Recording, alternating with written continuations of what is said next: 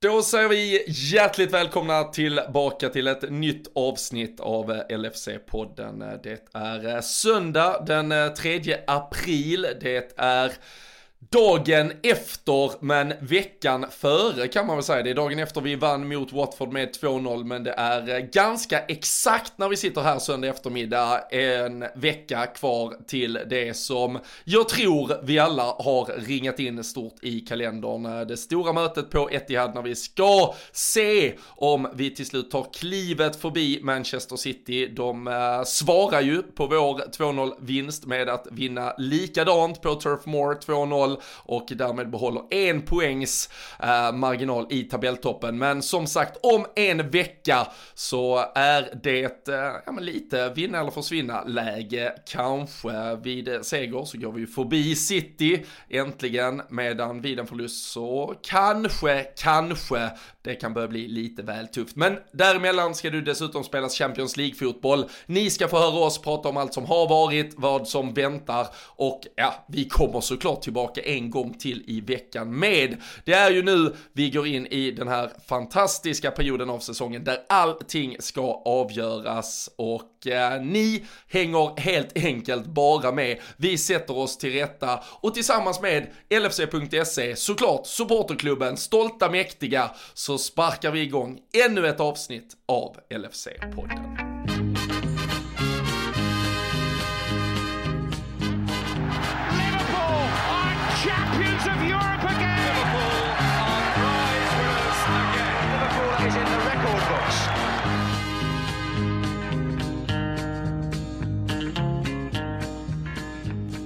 Eh, som vilken jävla avspark som helst så tar man ju inte den helt själv utan man eh, serverar den direkt till Danne Forsell och så får man se vad han gör med bollen. Eh, hur är läget Danne? Nej men det är bra tycker jag. Det är ju eh, precis som du säger. För, eh, för behövdes ju två för att göra en avspark där fram. Men nu lägger du den rakt bak till mig. Springer rakt fram och så serverar jag dig en macka. Där sen känns det som eh, att vi kommer göra den dagen vi väl kommer till start i Samdods Cup. Som vi har snackat om i så många, som i så många år. Men läget är väl bra. Det var väl synd att City tog tillbaka taktpinnen där som du sa. Det är väl det enda lite tråkiga med, med helgen så här långt. Men annars tycker jag att allt flyter på. Jag känner ju till att du har fått eh, visa dina kloppkunskaper på eh, Ja men i, i Malmös, eh, jag tänkte säga katakomber, det har du inte varit utan ute på fälten Nej, vi har varit ute, ute på de mest frusna fält på Mariedals IP och spelat kupp hela dagen. Så, så är jag eventuellt raspig på rösten denna gången så är det tyvärr inte 12 öl och någon bakfylla man kan skylla på utan det är att man har skrikit på både, både medspelare, nej det, det är ju på en väldigt låg nivå. Det är sjuåringar och åttaåringar. Så, så än så länge behöver vi inte skrika jättemycket på, på både med motspelare och domare och annat. Men äh, den genen har jag ju i mig så den, den vet jag kommer komma äh, någon gång lite längre fram. Men en hel dag ute med fotboll, det är fan helt fantastiskt att, ja, att vara ute på, på fälten. Och nu var det ju bitigt och kallt som fasen idag här, men ändå ett vårtecken om något att, att komma ut på fotbollsplanerna, så är det ju. Det är mäktigt att ni spelar på Marie, du sa Mariedals IP va? Jajamensan. Ja, det är min, eh, min gamla klubb i Borås. Jag vet inte, är det en liten hyllning kanske som eh, de har satt upp nere någon, någonstans i Malmös utkanter? Det känns det nästan så. Mycket mycket, mycket möjligt. Det är precis bredvid Kronprinsen i eh, Malmö. ja, det... ett, eh, ett gammalt eh, stort stadsmärke för den som är bevandrad i, i, i Malmös det är väl också en... arkitektoniska historia. Jag trodde att även det var en hyllning till mig nämligen, så jag tänkte det var, det var ju för mycket tillfälligheter där för att det inte skulle kunna vara, kunna vara klart. Kronprinsen och Mariedal, fy fasen vilken, ja. vilken start med, med sådana bitar. Och sen har ju, har ju de sparkat igång allsvenskan nu också, men det lämnar vi till några andra och, och prata om Robin i alla fall. Det gör vi sannoliken. Men eh, ett lag eh, som jag tycker att vi ska prata bara lite kort om innan eh, vi går in på det lag som ur Liverpools representationsutskott så att säga bedrivs av herrfotbollen så har vi även ett damlag som vi, vi vågar väl utan att jinxa den för när vi sitter här nu så är det fem minuter kvar och Liverpool leder med 4-2 borta mot Bristol City. Man behövde en poäng i den matchen. Vi ska väl inte släppa in tre minuter eh, här för då får vi sätta oss och klippa och klistra i det här avsnittet. Men bärgas bara den poängen, troligtvis nu segern, så är de tillbaka i Women's Super League, den eh, högsta serien i England och eh, det är väl så att säga på tiden. Nu är det bara något år som de trillar ner, men självklart ska väl Liverpool ha ett damlag också i den högsta engelska serien. Ja men absolut, det är ju eh, det är Arsenal, Chelsea, United, City, Tottenham är ju topp 5 där liksom i, i Women's Super League. Så jag menar det, det saknas någonting eh, helt enkelt. Och det som du säger, det, det, man ska inte ens eh, inte ligga där någon gång. Men nu har det varit så och då eh, är det skönt att kunna konstatera att Missy Bookins sköt oss tillbaka här nu. Eller tror vi, som sagt, vi ska inte jinxa något. Där har vi varit för. men nu, nu såg jag att det står 90 plus till och med på klockan. Ja. Så att, nej, det får vi väl konstatera. Ja, och det är ju lite eh, häftigt. Jag vet att eh, det, det kanske inte är jättemånga som har någon eh, relation till, som säger, Missy Bokearns som är, ja men, jag vet inte om jag väldigt, väldigt trött liksom bara liksom säga damlagets Trent Alexander-Arnold på något sätt, men liksom gått den långa vägen. Scouser in our team och är, är ju själv ofta frekvent supporter på herrlagets matcher också. Liksom andas, lever Liverpool och eh, att, uh, att hon får trycka in det där 4-2 målet som definitivt antagligen då har satt eh, den sista spiken i den kistan som då betyder att de är uppe i Women's Super League. Och det är dessutom ett par omgångar till godo här. Så det har varit en imponerande säsong i Championship och eh, så att det var mycket publik på den här matchen. Jag tror eh, alla under veckan har sett hur mycket publik det kan vara på damfotboll runt om i Europa också. Så det kan nog bli häftiga stunder och förhoppningsvis kan innan eh, Liverpool gå i bräschen. Eh, Old Trafford satte ett eh, Women's Super League-rekord i förra helgen tror jag det var, då hade de över 20 000 när de öppnade upp storarenan så att säga när damerna tog emot Everton, vann med 3-1 men känner jag Liverpool-supporterskaran rätt Danne, så kommer vi inte, vi hade inte hatat att kliva rakt upp i Women's Super League och eh, sätta något rekord med ett fullsatt Anfield. Det känns som att den, den kulturgenen, den, eh, den rinner igenom kropparna på Merseyside.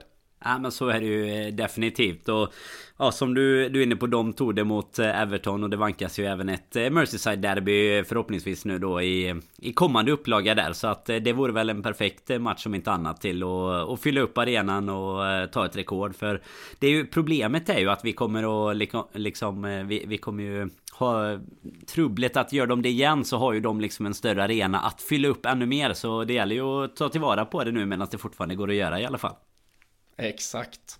Men eh, äh, vi lär få anledning att återkomma till detta längre fram, men äh, vi gratulerar äh, damlaget äh, för äh, en äh, fantastisk säsong, starka prestationer och att man då äntligen får fira det säkrade avancemanget och under en säsong där vi, där vi pratar så mycket kvadruppel och, och de drömmarna så är, så är det ju faktiskt jävligt coolt att vi kan faktiskt addera en, en sådan triumf och titel som, som det ändå är också. Så det, det är på alla fronter egentligen ett, eh, ett Liverpool som eh, mår väldigt, väldigt bra och det är bara att njuta av. Jag eh, tänker också där innan vi går till händelserna från igår. Det, det, var väl i ärlighetens namn kanske ingen match som där finns 48 stora rubriker att plocka ner från. Så vi kan väl börja lite med baksidorna av de engelska tabloiderna idag. Det är ju den klassiska söndagsupplagan som man ibland får värdera med 2-3 eh, kilo nypor salt. Men eh, Mohamed Salah skriver på inom kort. Eh, det var alltifrån Mohamed Stela och några andra otroligt eh, svår eh, älskade rubriker egentligen. Men eh, väldigt många tabloider och jag såg eh, det var en hel del, ja men Twitter-profiler, eh, alla då lite i kölvattnet av Fabrizio Romano såklart som är det stora gurunamnet där ute. Men många som eh, twittrade ut både egyptiska flaggor och eh, pennor i händer och allt möjligt annat. Och nu verkar det, det var ju först i veckan, då var det Pipe Sierra, journalisten som breakade Luis Diaz nyheten, han satt med i en podcast, Danfield Talk och pratade om att det är liksom inga hiskeliga summor, alltså med all respekt respekt för hiskeliga summor i det här sammanhanget ska man ju verkligen understryka. Men det har ju tidigare pratats om att Salah har förväntat sig att bli lika bra betald som till exempel Kevin De Bruyne som är uppåt 4-420 000 pund i veckan. Men då menar ju Sierra här att vi pratar tydligen antagligen kanske 100 000 mindre än så, utan det är strax över 300 000 pund i veckan. Uh, så uh, det och då kanske, alltså så här, allt är ju återigen relativt, men det är ungefär vad Jack Grealish och eh, Raheem Sterling tjänar, till exempel. Och då tycker man väl kanske ändå, om man bara står och väger saker mot varandra, att Mohamed Salah är värd detta. Vi, eh, vi vet ännu inte var detta allt landar Danne, men eh, med tanke på att det har varit så mycket ryktespridning och eh, så mycket kring det idag ändå så får vi väl reagera lite på alla dessa nyheter. Jo men det är klart och jag, jag och Fredrik pratade ju lite om det här tidigare i veckan också. Men sen är man väl tyvärr numera så tråkig som du var inne på det första där. Att eh, när söndagstabloiderna skriver om det så känner man väl att, eh, att det inte ens var någon procent av en som kände sig säkrare. Utan det är först när man öppnar upp eh, Twitter och man kan ja, men se lite mer av dem som man kanske kan lita på.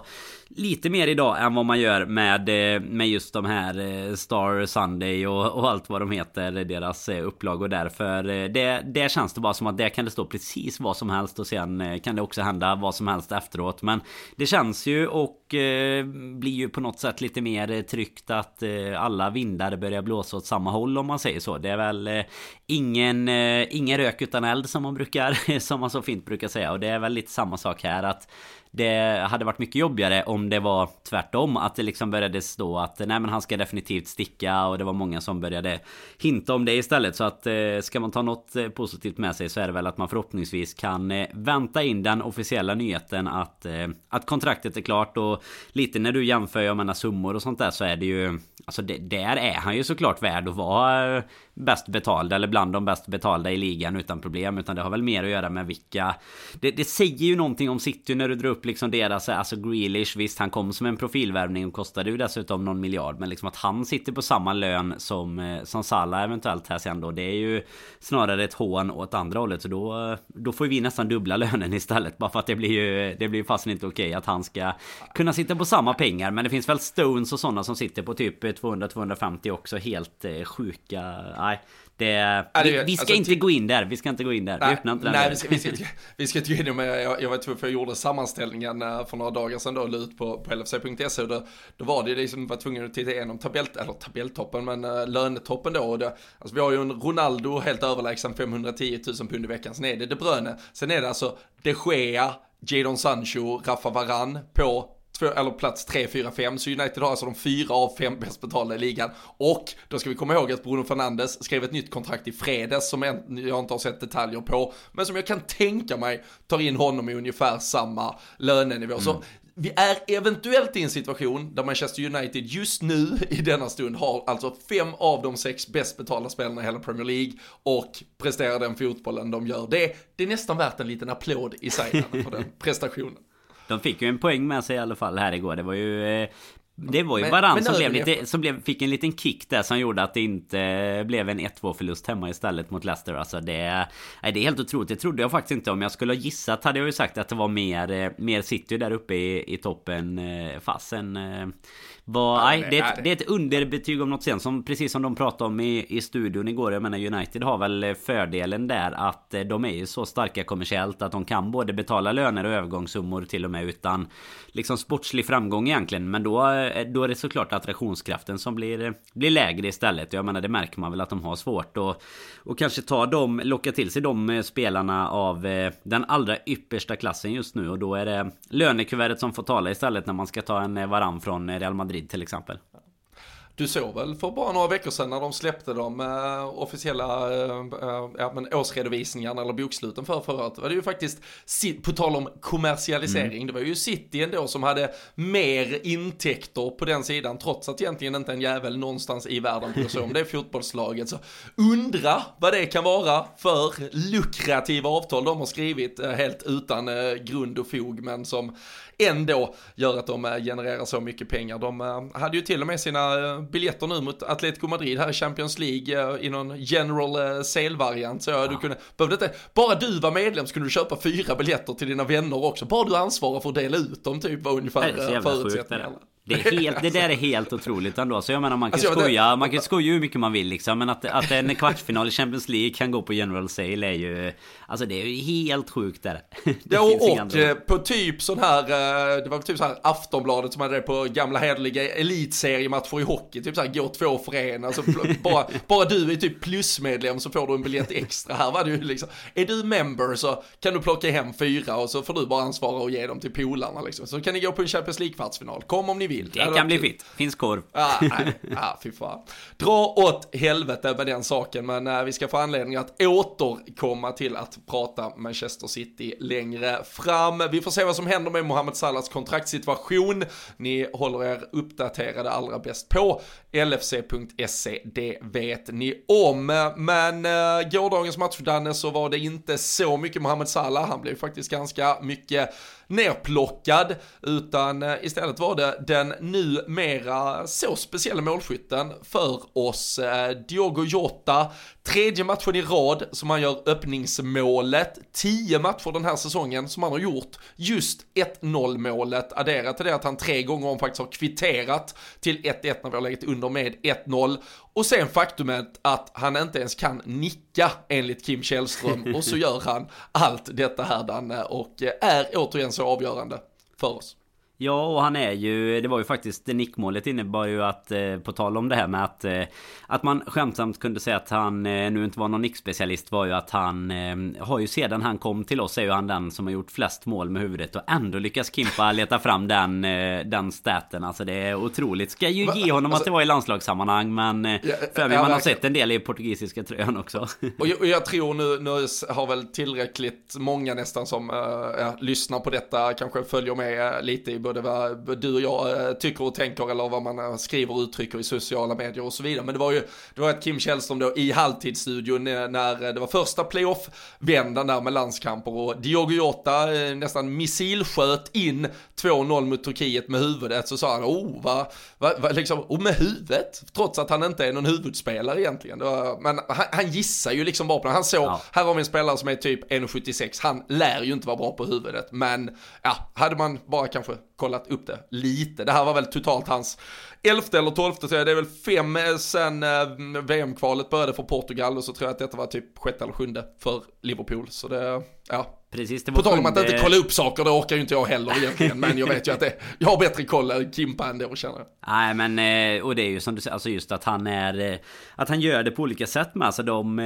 det, det är ju... Han, han är ju riktigt, riktigt vass på att hitta den här ytan som han kliver in i när han gör målet. Alltså det är ju inte... Jag vet inte om det är tre, fyra gånger till kanske under matchen som han ändå har bra chanser att göra detsamma. Det är väl någon... Är det någon hörna eller frispark som han är ja, men där, helt, helt ren på också? När alltså. Henderson Eh, sätter dem på pannan på honom. Ja. Nej, exakt. Helt ren egentligen. Så det fattar man att han blir missnöjd att han inte, att han inte gjorde det bättre. Men eh, det är skönt att det kunde komma leverans därifrån igen när, eh, som du sa där, Kamara hade ju en bättre match än vad Danny Rose hade mot Mohamed Salah sist vi mötte Watford. Det får man ju säga. Han gjorde det väldigt bra. Han hade det, hade det tufft, Salah, alltså med på den kanten tyckte jag. Så att eh, då, då är det ju så skönt att vi har våra, våra andra eh, experter eh, där fram som, som levererar. Och jag menar just att han gör ju avgörande mot Nottingham. Han gör ju mål mot Arsenal. Så att han, nej det är fin form även på Jota. Och så kunde vi liksom ändå ha en, en Mané och en Diaz på, på bänken. Så det, nu är det angenäma bekymmer här inför Champions League och, och City. Yeah.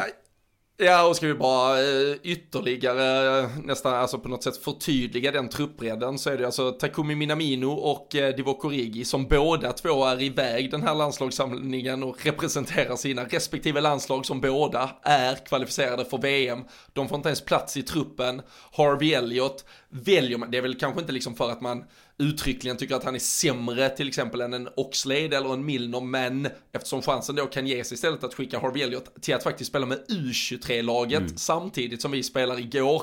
Uh, det är ju där Klopp, nu har han ju fått sina fem byten också äntligen bekräftat mm. och klart, så han kommer ju vara lyrisk till nästa säsong. Men i, alltså att, att man skickar en spelare som var startspelare på San Siro för, vad är det, två månader sedan typ. Och nu, nu då istället så spelar han en U23-match samtidigt som vi spelar.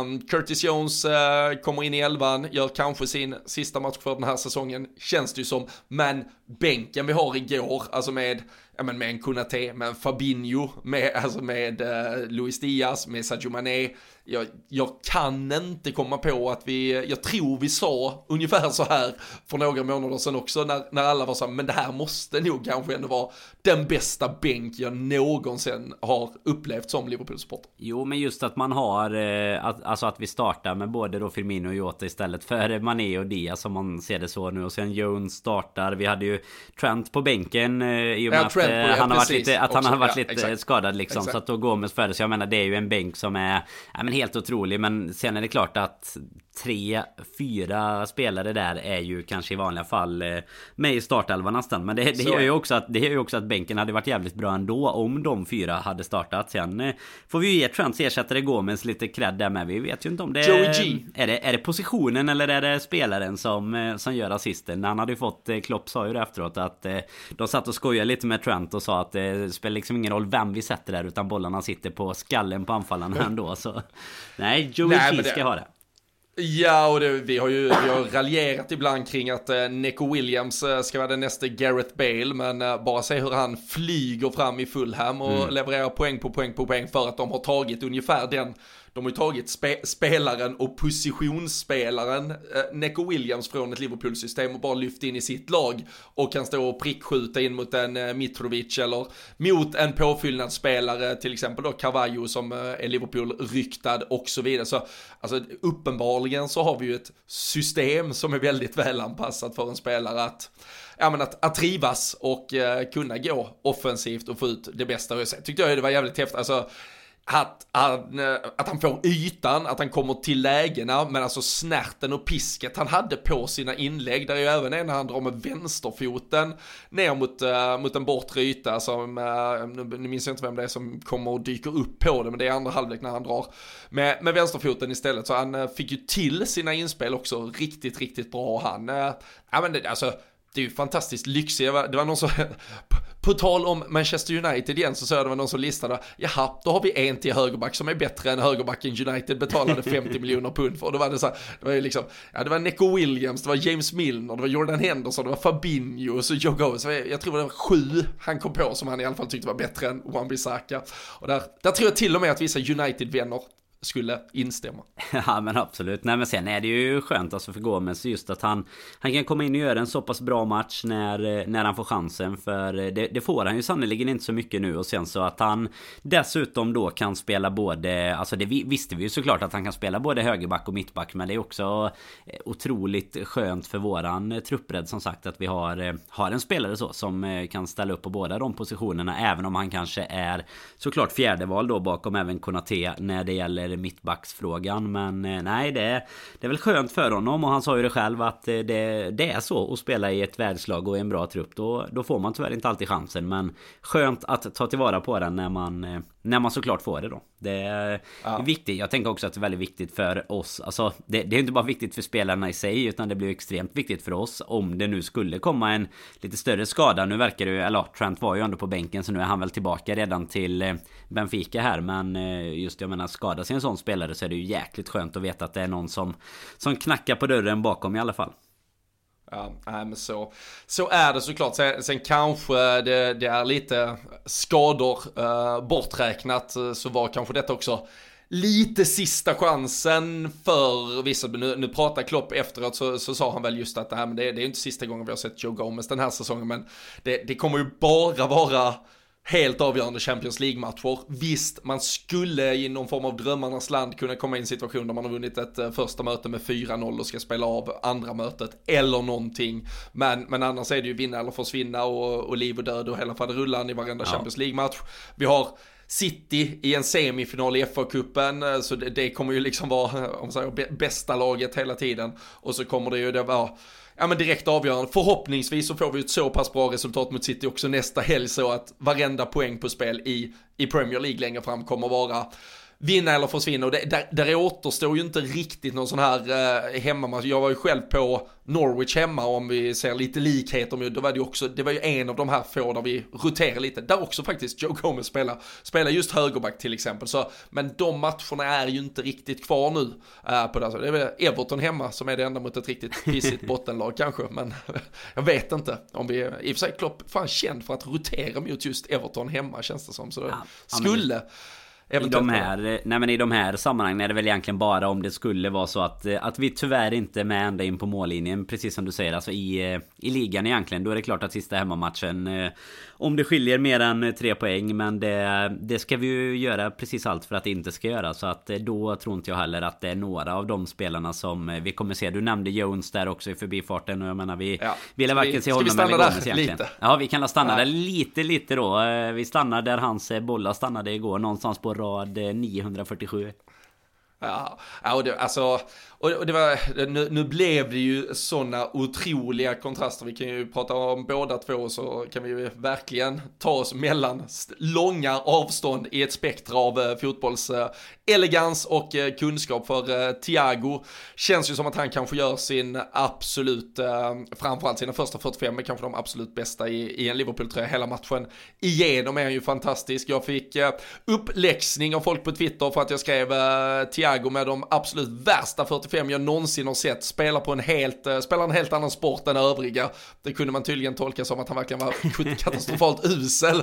Så jag fick liksom, det var någon som inte såg matchen som bara så här, menar du bra eller dåligt? Så jag bara, äh, bra. Så, sen var det någon annan som också krävde förtydligande. Uh, så jag får, um, jag får, jag ska inte använda, vad blir det, negativa förstärkelser eller sådär, utan jag får, jag får vara lite tydligare. Jag tänker om man kikar på matchen så borde man i alla fall haft koll på ja, att det inte precis, var negativt. Men, för, för, för vi respektera det, folket som, som gör som Jocke Lund Lundberg och hellre gå på allsvensk ja. premiär uppe på, uh, vad heter det, Tele2 Arena till exempel. Nej, då får man, Men, inte, uh, då får man inte bara läsa tweets sen.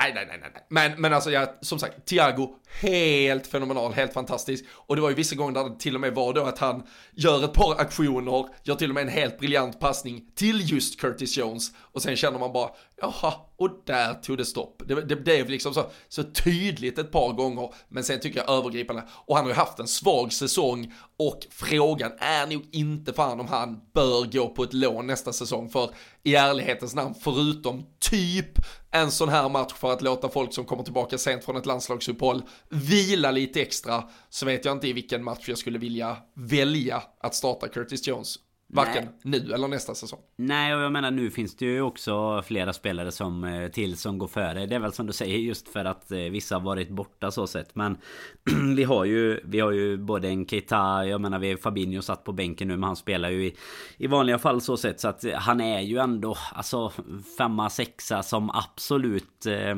som absolut bäst liksom. Och det är det någonstans jag även skulle kunna se att vi eventuellt skulle vilja titta på förstärkningar lite längre fram så är det väl kanske på mittfältet när, när det börjar liksom att skiftas ut lite åldersmässigt med både Henderson och, och Thiago så längre fram. Men eh, nej, som du säger också, Thiago en helt otrolig insats. Alltså det, det så, alltså när, när han fungerar så som han gjorde igår så är det ju en av de absolut eh, finaste fotbollsspelarna att titta på också. Alltså vilka, alltså så jäkla intelligent och vilka, vilka fötter han har. Alltså vilka bollar han sätter upp. Så att eh, skulle vi bara kunna få lite mer liksom kontinuitet i eh, att det inte blir skador och sånt så eh, då kommer han ju ha några extremt fina år framför sig i, i Liverpool-tröjan också. Vet inte hur länge, man borde väl kunna hålla även på den. Vi har ju pratat om att eh, liksom åldern har flyttats fram lite i hur länge de här toppspelarna håller på sin nivå men även i, i en sån position som spelgeni liksom. Det såg man ju i Legandomatchen om inte annat att jag menar fina fötter kan man ju ha ända till man är 43. Jag är 34 och jag hade kunnat göra det, så han borde ha, han borde ha några år kvar. Det Nej, det, det, är sant i och för sig. Du hade, det hade gått in bredvid där, så några år kvar då har han.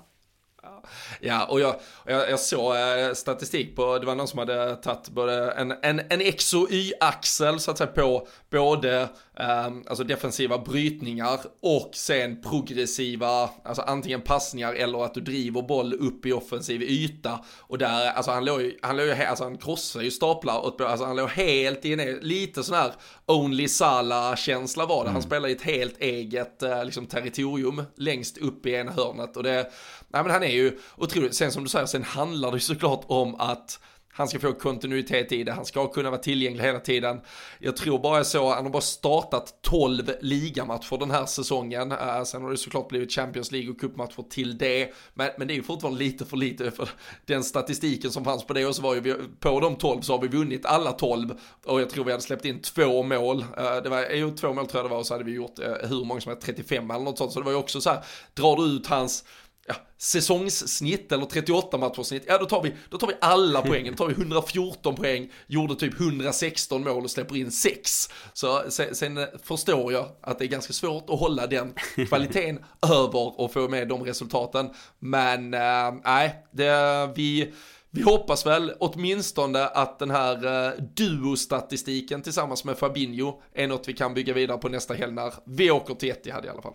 Ja men verkligen. Det, då, då kommer båda vara tillbaka i startelvan och då, då blir det absolut läge för det. För det är inte... Är det, är det någon gång han inte ska ta sin första förlust, eh, Thiago, så är det, är det där i alla fall. Ja, så är det. Och eh, vi var inne på det att eh, City svarade direkt. Eh, vi eh, vad var det? Vi fick vara serieledare i fyra och en halv minut ungefär. Klopp ja. han ju inte komma ut till presskonferensen innan de hade gjort 1-0 så han kunde sätta sig där i japp, det var, det var en av era frågor som försvann där, sa han väl och, och skrattade lite till journalisterna. De hade ju pratat om inför matchen hur det skulle kännas att gå upp i serieledning eh, om ändå bara för en stund och det, det hann knappt ens bli en stund. Eh, du, du synar ju mig Danne, det har man sett om man följer oss på sociala medier. Jag satte ju en liten peng på att eh, Wout Weghorst eh, skulle göra 1-0, Burnley skulle vinna med 1-0. Du sa att nej, det lär ta ungefär fyra minuter så är det 0-1 istället det tog väl, det tog väl fem om vi ska vara väldigt noggranna här och klaga lite på din språkkula men uh, City gjorde, ja men de gjorde ju exakt det vi gjorde, får man väl säga. Och det, det, det är ju två fotbollslag, återigen, jag, jag, läste någon intervju med Aymeric Laporte, eh, till exempel här i, jag tror det var i The Guardian i veckan, som pratade om det, alltså, vi, man, man, glömmer jävligt ofta, och sen, för det var först, han pratade lite om det, men sen spann det vidare lite i tråden där bland journalister.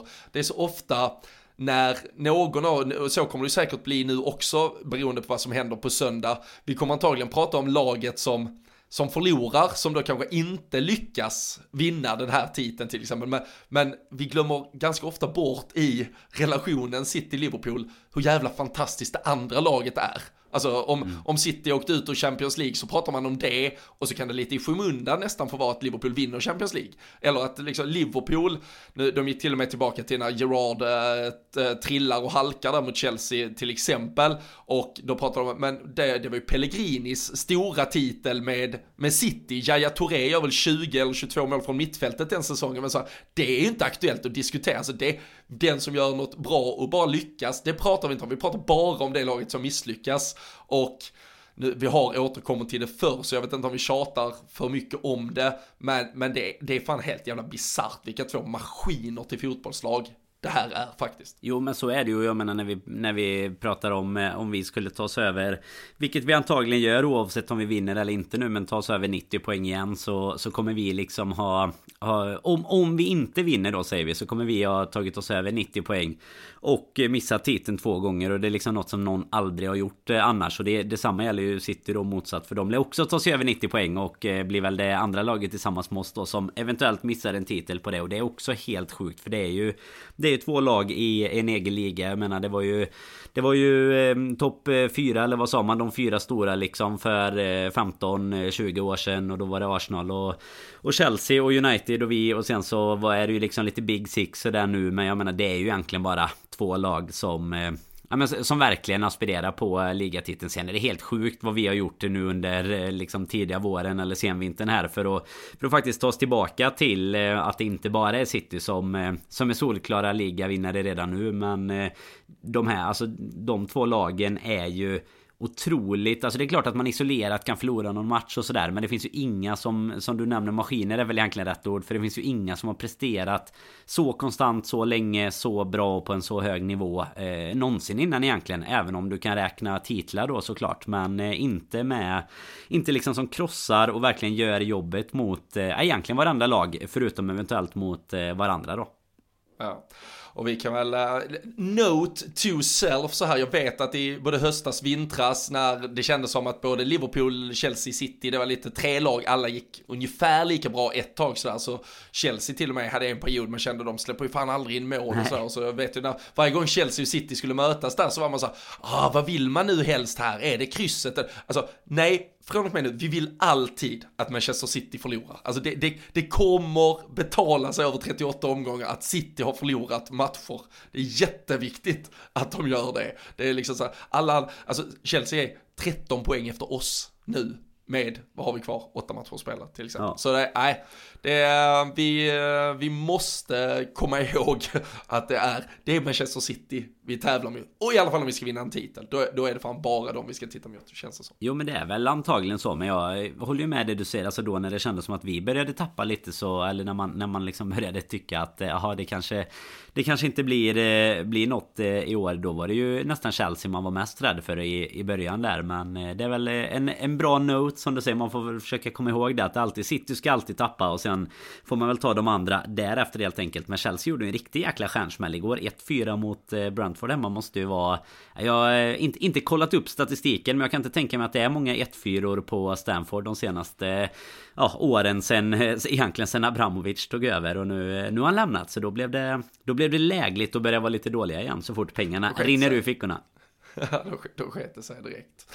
Men äh, nej, det, var, det var en jävla smäll. Det var väl framförallt en 10-12 minuters period bara där Chelsea först gör 1-0 och sen pang, pang, pang så var det 1-1, 1-1, 2-1, 3. Mm. Och sen äh, fastställde äh, de resultatet till 4-1 sen Brentford. Men nej, nej, så Chelsea räknar vi av. De får ju nästan börja titta bakom sig och se vad Arsenal håller på med. Eh, det känns ju dock mer och mer som att det är de som kommer lägga beslag på fjärdeplatsen, åtminstone. De möter Crystal Palace måndag kväll och kan ju då ta, ta tillvara på att Manchester United fortsätter att vara Manchester United och eh, tappade i alla fall. Och så spelar ju Tottenham nu as we speak. Vi får väl se hur den har slutat när det väl summeras. Men eh, i eh, veckan Danne eh, så lägger vi Premier League-tabellen åt sidan för en liten stund. Det är match redan tisdag kväll.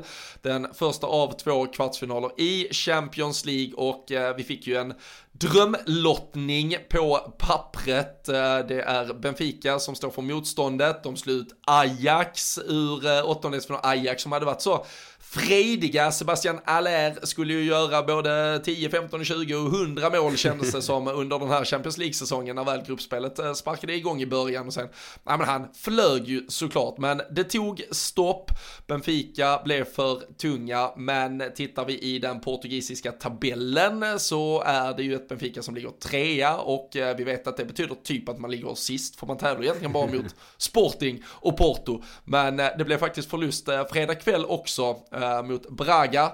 Minns du när vi mötte Braga, Danne? Ja, alltså det måste ju eh, ha varit... Nej, fan kan det, kan det ha varit 2007, 8? Ja, det är eh, Europa League-säsongen 2010-2011. Ja, det, det, är till och med så. Ja, ja vi spelade ju för fan Champions. Det är ju Europa League såklart. Ja. Jag, min, jag minns ja, nämligen vilken pub jag kikade på. Så det var det jag försökte gå tillbaka till i så här Boråsminnet nu. Vi, när, när det gick de i konkurs och inte. Nej, jag, jag var faktiskt på hemmamatchen när vi åkte. Vi hade, jag tror vi förlorade kanske med 1-0 borta och så blev det typ 0-0 eller 1-1 hemma. Så, så mm. rök vi. Fick man se Andy Carroll harva runt. Ja, det var 0-0-0-1 var det om jag minns eh, ja. rätt va? Ja. Eller alltså, ja, som du sa 1-0 borta. Ja, och sen lyckades vi alltså inte åstadkomma någonting på hemmaplan mot Braga. Men för fan, times, uh, times have changed. Det är uh, Benfica istället då, lite större lag på pappret från uh, Portugal och det är Champions League istället. Det är kvartsfinal som gäller. Vi börjar på bortaplan um, och det är som sagt redan på tisdag. Um, vi, vi, ska, vi ska prata om den lite, jag, jag bara satt och tittade på den. Nu spelar vi alltså tisdag, vi fick ju den här, om man säger lite turliga lottningen. Man kan ju spela onsdag, tisdag eller så spelar man tisdag, onsdag i Champions League. Är det inte egentligen jävligt pissigt att de då har lagt City-matchen på söndagen? Det blir ju ett ganska långt break tisdag, söndag och sen spelar vi då söndag, onsdag istället. När man, alltså du har, du har typ fan en av Premier League-historiens största ja. jävla fotbollsmatcher. Du hade kunnat lägga den lördag 18.30. Alltså tänk vilken jävla kväll vi kunde få ta. Ja. Istället pissar de ut den på söndagen. Det är inte ens bättre för lagen. Hade vi lagt en lördag hade vi legat mitt emellan. Då hade det varit fyra dagar innan, fyra dagar efter. Ja, nu spelar det väl, istället. Ja, för nu spelar väl både och vi och City samma. Ja, men exakt. City ja, ja, samma. Det var det, det, var det jag tänkte säga. Nej, annars nej, hade ju det såklart. Hade det, varit, det hade ju förklarat en del. Men eh, nej, det är faktiskt... Eh, nej, det, vi, vi ger aldrig någonting till schemaläggarna och inte denna gången heller. Nej, för fasen. Det är sant. Och så dessutom, dessutom liksom en eh, söndag eftermiddag. Liksom då, alltså lördag 16, eller 15 där då, eller 17.30 hade ju hade ju nästan behövts där för att bara... lördag 16 så att det var på sån blackout-tid i England hade varit mäktigt om de hade kört den på. De hade, de inte fått sända den. Ja, ja, det är just det, det stämmer. Det, det hade de nog inte. Det kanske de inte hade valt. Nej, jag tror inte det. Men skit samma, men eh, alltid kul att dela ut uh, lite slevar med skit till någon. Uh, Benfica som sagt en tredje plats i tabellen där. De är ju såklart super underdogs. vi har däremot, ja men vi har ju Tillsammans till exempel, du och jag har haft eh, goda minnen från Portugal, Champions League och slutspel tidigare. Det var när vi vann med 5-0 borta mot Porto. Sen eh, var det ju bara något år senare så var vi där och vann med nästan lika mycket utskåpning. Och i liga, eller vad säger jag, ligaspelet, gruppspelet här nu eh, denna säsongen så var det också fint resultat i Porto. Jag vet inte om vindarna blåser lika friskt i Lissabon, men eh, nog eh, fan ska vi kunna ta med oss lite positivitet från att ha flugit ut mot eh, den portugisiska kusten tidigare. Ja men definitivt alltså det var ju som du nämnde det är en, en riktig drömlottning eh, till att börja med och det, alltså li, lite som vi sa inför Watford, alltså nu ska man kanske inte sätta dem på riktigt samma nivå men jag ser ju ingenting som eh, så, som ska göra att vi egentligen inte kommer ha ett tillräckligt bra resultat med oss för att kunna spela ganska så... Inte, inte som du kanske nämnde innan att vi ska behöva slänga in liksom Curtis Jones och Gomez i returen. Att det måste ha blivit så pass bra för det är klart de kommer komma taggade och det är ändå en otroligt eh, stor match, alltså en kvartsfinal i Champions League men det är ju tillsammans med Villarreal då så såklart eh, den, eh, den absolut mest tacksamma uppgift man kan få. Och vi har ju som vi är inne på det här goda minnen från de matcherna i Portugal och det är väl bara att ta över nästa stad egentligen här nu Känns det som. Nu har vi gjort Porto så nu får vi röra oss mot, mot Lissabon här helt enkelt och så ja, börja Portvinet är slut! Ja det är antagligen, det är antagligen därför vi inte får dem längre. kliva vidare. Ja nu, nu var det, nu hoppas vi väl i alla fall att det var typ sista gången vi vi höll på med Porto på, på ett bra tag i alla fall. Men eh, Lissabon eh, blir väl bra. Vi ska skicka ner våran eh, korrespondent Jocke Lundberg här i veckan och, och se till att, eh, att han testar vinet även i, i Lissabon. Men matchmässigt så vet jag inte om du har någon annan känsla. Men det, det, kommer ju att vara Kanske inte, inte en överlägsen vinst liksom Men vi kommer ta med ett så pass bra resultat Att vi kommer vara rätt trygga hemma sen Det, det tror jag mm. Hur, uh, hur tror du vi... Oh, alltså, vi får ju absolut se hur, hur, vad matchbilden kan ge oss för, för möjligheter. Men eh, liksom, att åka dit och ja, men spela, spela, spela 1-1 eller försöka vinna med 1-0 med, med lite tur och gå på 80-85% för att uh, sen ta sig en City och sen då gå direkt efter City-matchen och ah, vi avgör ju detta hemma oavsett vad eller tror du man vill åka till Portugal och och lite städa av det här, veta, ja men vi har 3-0 så nu, nu är det fullt fokus City och så kommer ju allting. Då, då är det bara, alltså vi behöver inte ens tänka på det. Finns, finns det några sådana tankar tror du man kan göra eller uh, är Klopp kommer ju såklart säga att det här är en kvartsfinal i Champions League, det är jättesvårt oavsett motstånd och vi har all respekt för alla former av motstånd på den här nivån och vi, vi är glada bara vi liksom får med oss minsta lilla. Men visst fan finns det någonstans mellan ett tumme och pekfinger några millimeter man kan tänka, tänka lite annorlunda och olika i hur man fokuserar en sån här match. Ja men det tror jag som Det är klart att man har ju eh, Som, som du sa i introt den, den stora röda ringen är ju runt eh, söndagens match såklart Men Samtidigt tror jag så det skiljer så pass långt i tid med, med tisdagen här Att jag tror ändå när vi åker ner nu att vi Att vi verkligen kommer att, gå för att eh, och liksom köra ett så bra resultat som Som det bara går. Och alltså det, det gör man väl alltid så sett Men alltså att verkligen ge hundra för det. Och sen tror jag lite mer utefter hur matchen utvecklas Att vi kanske till och med kan unna oss och, och vila någon några minuter. Men jag tror absolut inte att vi kommer ha... alltså att vi kommer se det i någon elva eller någonting. Att det är någon som kommer få vila inför City-matchen till exempel. Utan då, då tror jag nog att vi vi, vi kommer gå på denna matchen och City-matchen stenhårt och sen får vi liksom anpassa returmötet efter vad vi gjorde i, i det första mötet här egentligen. Och förhoppningsvis så har vi väl gjort det ganska så bra så att vi bara ska kunna fokusera på City och sen städa undan dem på Anfield. Jag, jag tror alltså att vi inte, jag tänker att det inte blir eh, 0-0 eller 1-0. Jag tänker att vi vinner med, med 3-0 eller någonting kanske. 3-1 kanske om vi släpper in ett om vi är lite för generösa. Det är taget. Det är taget. Nej, och, jag, och, jag tror, och jag tror framförallt med tanke på att vi hade, vi hade landslagsuppehållet. Innan dess så hade vi, eh, alltså sista matchen innan uppehållet var ju fa Cup-matchen där vi roterade väldigt friskt. Och nu då så spelar vi mot ett Watford där vi också roterade friskt och där vi, så lite som vi var inne på, i ärlighetens namn kommer vi inte upp till någon det var inte någon sprakande fotbollsunderhållning och jag tror vi behöver en rejäl jävla genomkörare. Eh, Klopper brukar ju prata om, det är inte alltid det här med alltså fitness och hur mycket, utan det handlar ju mer om matchtempo, rytm.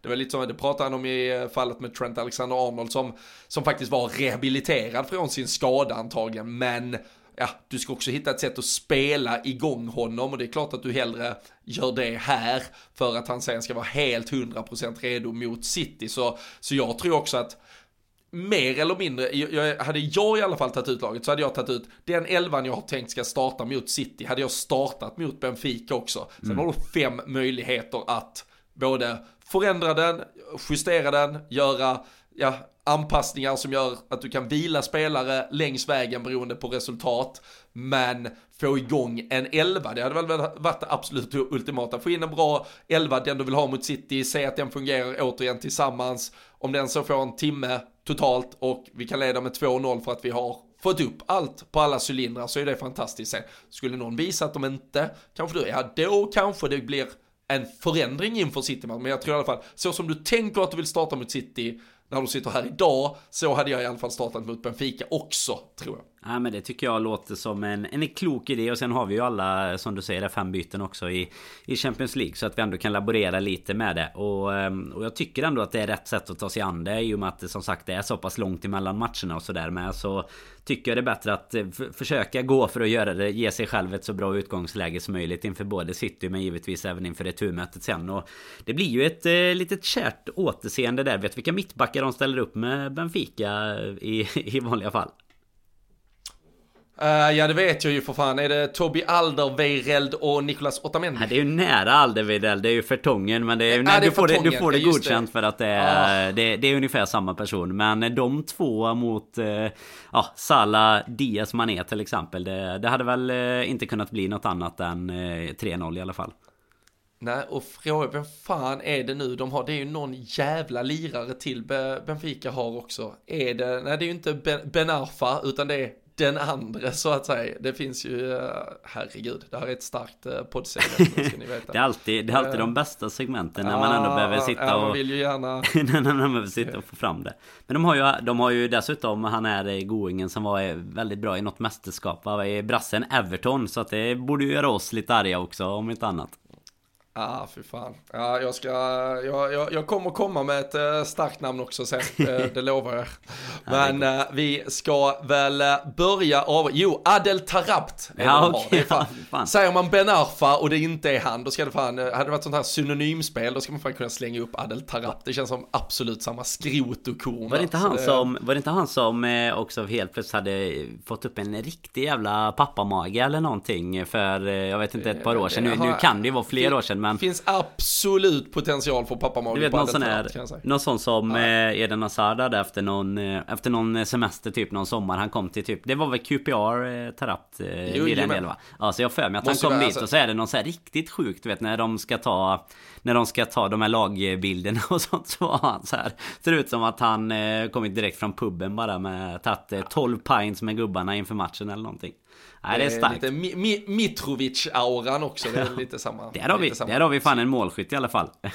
ja, det är, det, är, det är som sagt, det är lätt för Nico Williams att bara slå ja, in ett inlägg. Jag tror, att han närmar, jag tror han närmar sig 40 eller någonting i Championship nu. Jag fattar, han spelar ju alltid bara kvar i Fulham och gör alltid hur mycket mål som helst i Championship och så gör han Och så tar man in honom som en billig anfallare i fantasy sen Exakt. och så gör han absolut ingenting. Nej, det är, det är för jävligt. Men äh, ja, Fulham träffar vi på snart igen i eh, Premier League. Eh, vi eh, stänger väl med de orden ner dagens lilla poddbutik. Vi gratulerar Tom Norman som var en av tre stycken som hade tippat 2-0 nu här i helgen. Vi tipstävlar ju inför varje match på patreon.com slash LFC-podden. Är man med där och supportar podden, eh, kostar en dryg 20 i månaden, så får man ju chansen att eh, tävla om eh, lite priser vid varje match. Nu var det ju minst åtta matcher i april, så fan har man bara lite jävla glöd i sin spåkula, då, då ska man ju plocka hem en,